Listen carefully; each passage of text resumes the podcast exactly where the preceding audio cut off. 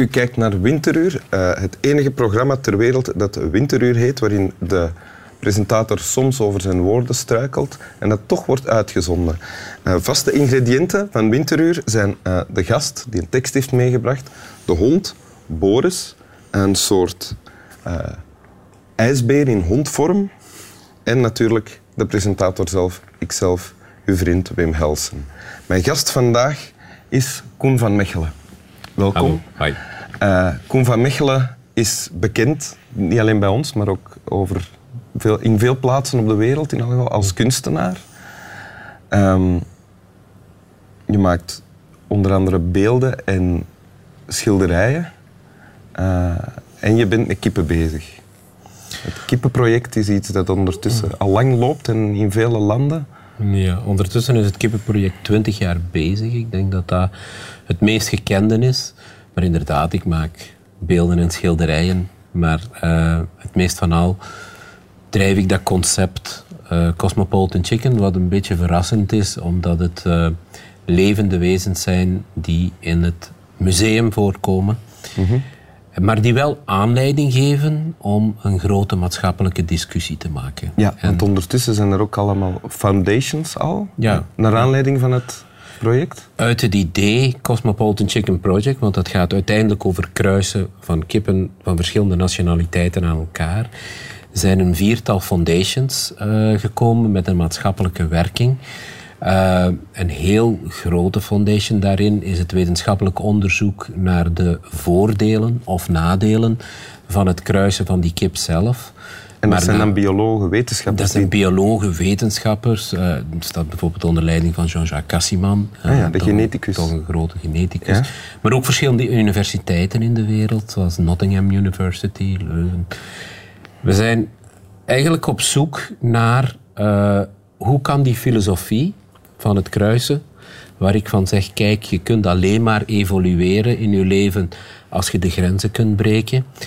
En af en toe, uh, ja, je eigen laten bevruchten door andere ideeën.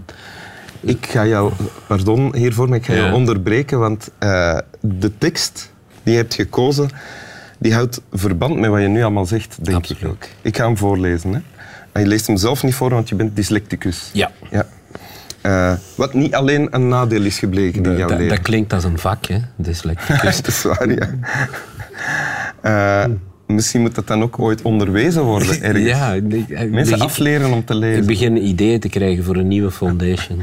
ik ga eerst de tekst, want uh, dat moeten we toch doen, ook in dit programma, voorlezen. De tekst van Gerrit Komrij, een gedicht. Het onzichtbare labyrint. Er is geen vrijheid in de zandwoestijn, al staan er nergens hekken, nergens palen. Het is maar beter, als je vrij wilt zijn, om sierlijk door een labyrint te dwalen. Je stoot dan op veel dwang, in gang naar gang, maar loopt de kans ook niet ten prooi te vallen aan plompe hekkenslopers met hun drang naar één cachot, één enkele cel voor allen. Ze zien je niet, je zit heel fraai gevangen. Laat anderen gerust door ruimte razen, woestijnen scheppen in hun fel verlangen naar vrijheid. Laat ze volkeren verbazen met internationale strijdgezangen. Er is, dacht ik, geen hoop voor zulke dwazen. Voilà, dat is het. Fantastisch.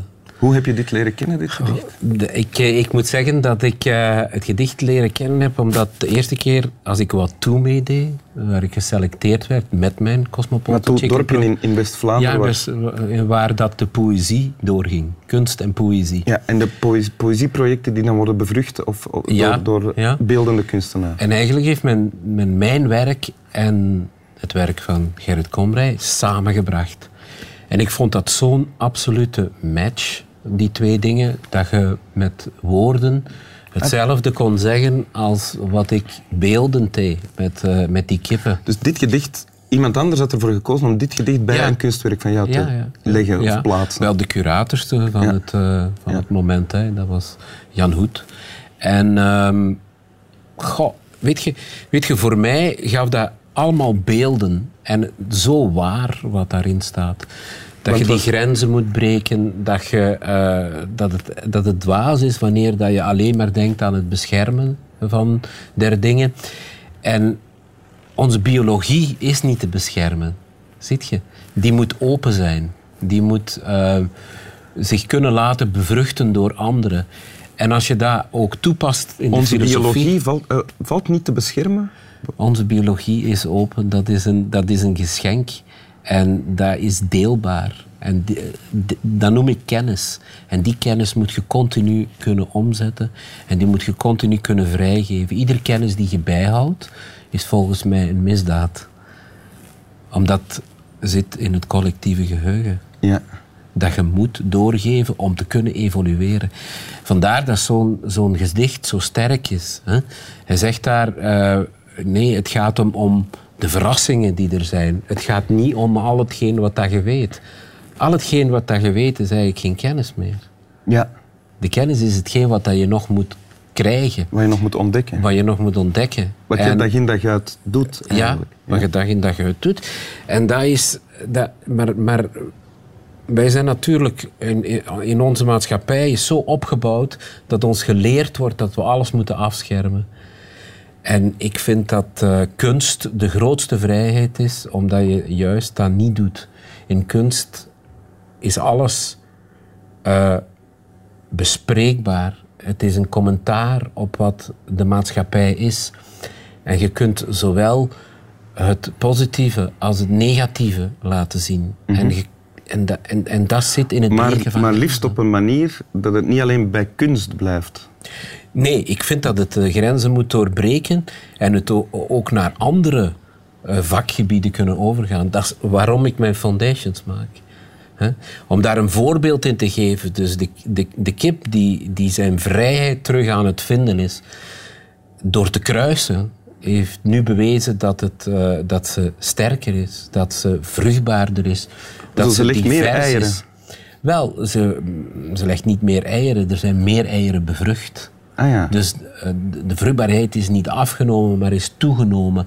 En de sterkte is toegenomen. Door te kruisen, door, door, altijd... door te kruisen. En dat staat regelrecht ten opzichte van alle monoculturen die er gecreëerd zijn. En ik denk vandaag is het zo belangrijk dat we die diversiteit terug kunnen naar boven brengen. Hè? Dat, we, dat we het daar terug kunnen over hebben. Want we zijn dat een beetje vergeten dat het daarover gaat. Dat is wel actueel wat je nu allemaal zegt. Dat is zeer actueel wat ik zeg. Maar wat het erge daarvan is, is dat wij over diversiteit moeten praten.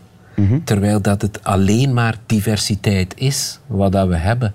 En eigenlijk, eigenlijk is, dat, is dat een beetje een, uh, um, een, een je bedoelt, we moeten erover praten terwijl het een gegeven is. Ja, we moeten erover praten terwijl het, het een gegeven is. Het is nodig om te overleven en ja. sterker en beter te worden en te groeien. Wel, maar of we het nu graag hebben, ja of nee, die diversiteit, dat is zelfs niet eens in vraag. Het, is, het, het, moet, het is er. En wij moeten het aanvaarden. Dat is het. het gedicht, de tekst heet Het onzichtbare labyrint. Ja, is dat, dat is waar de, wij in zitten. Dat is waar wij in zitten. Ja. Dat is de, de wereld waarin wij, ja. of de maatschappij waarin wij leven. Dat is de maatschappij waarin we leven. En dat is de maatschappij die altijd continu verandert. En ofwel voel je de verandering, hè, ofwel voel je ze niet.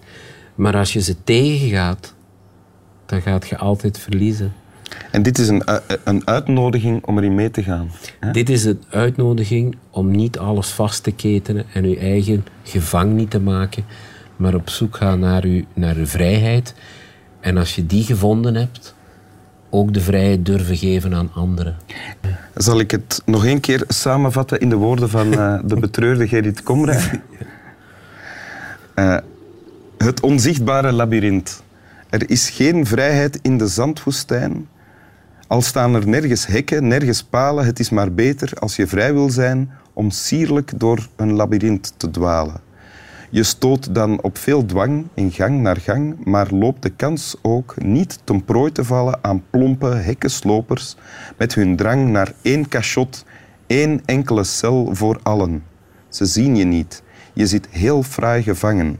Laat anderen gerust door ruimte razen, woestijnen scheppen in hun fel verlangen naar vrijheid. Laat ze volkeren verbazen met internationale strijdgezangen. Er is, dacht ik, geen hoop voor zulke dwazen. Dank u wel.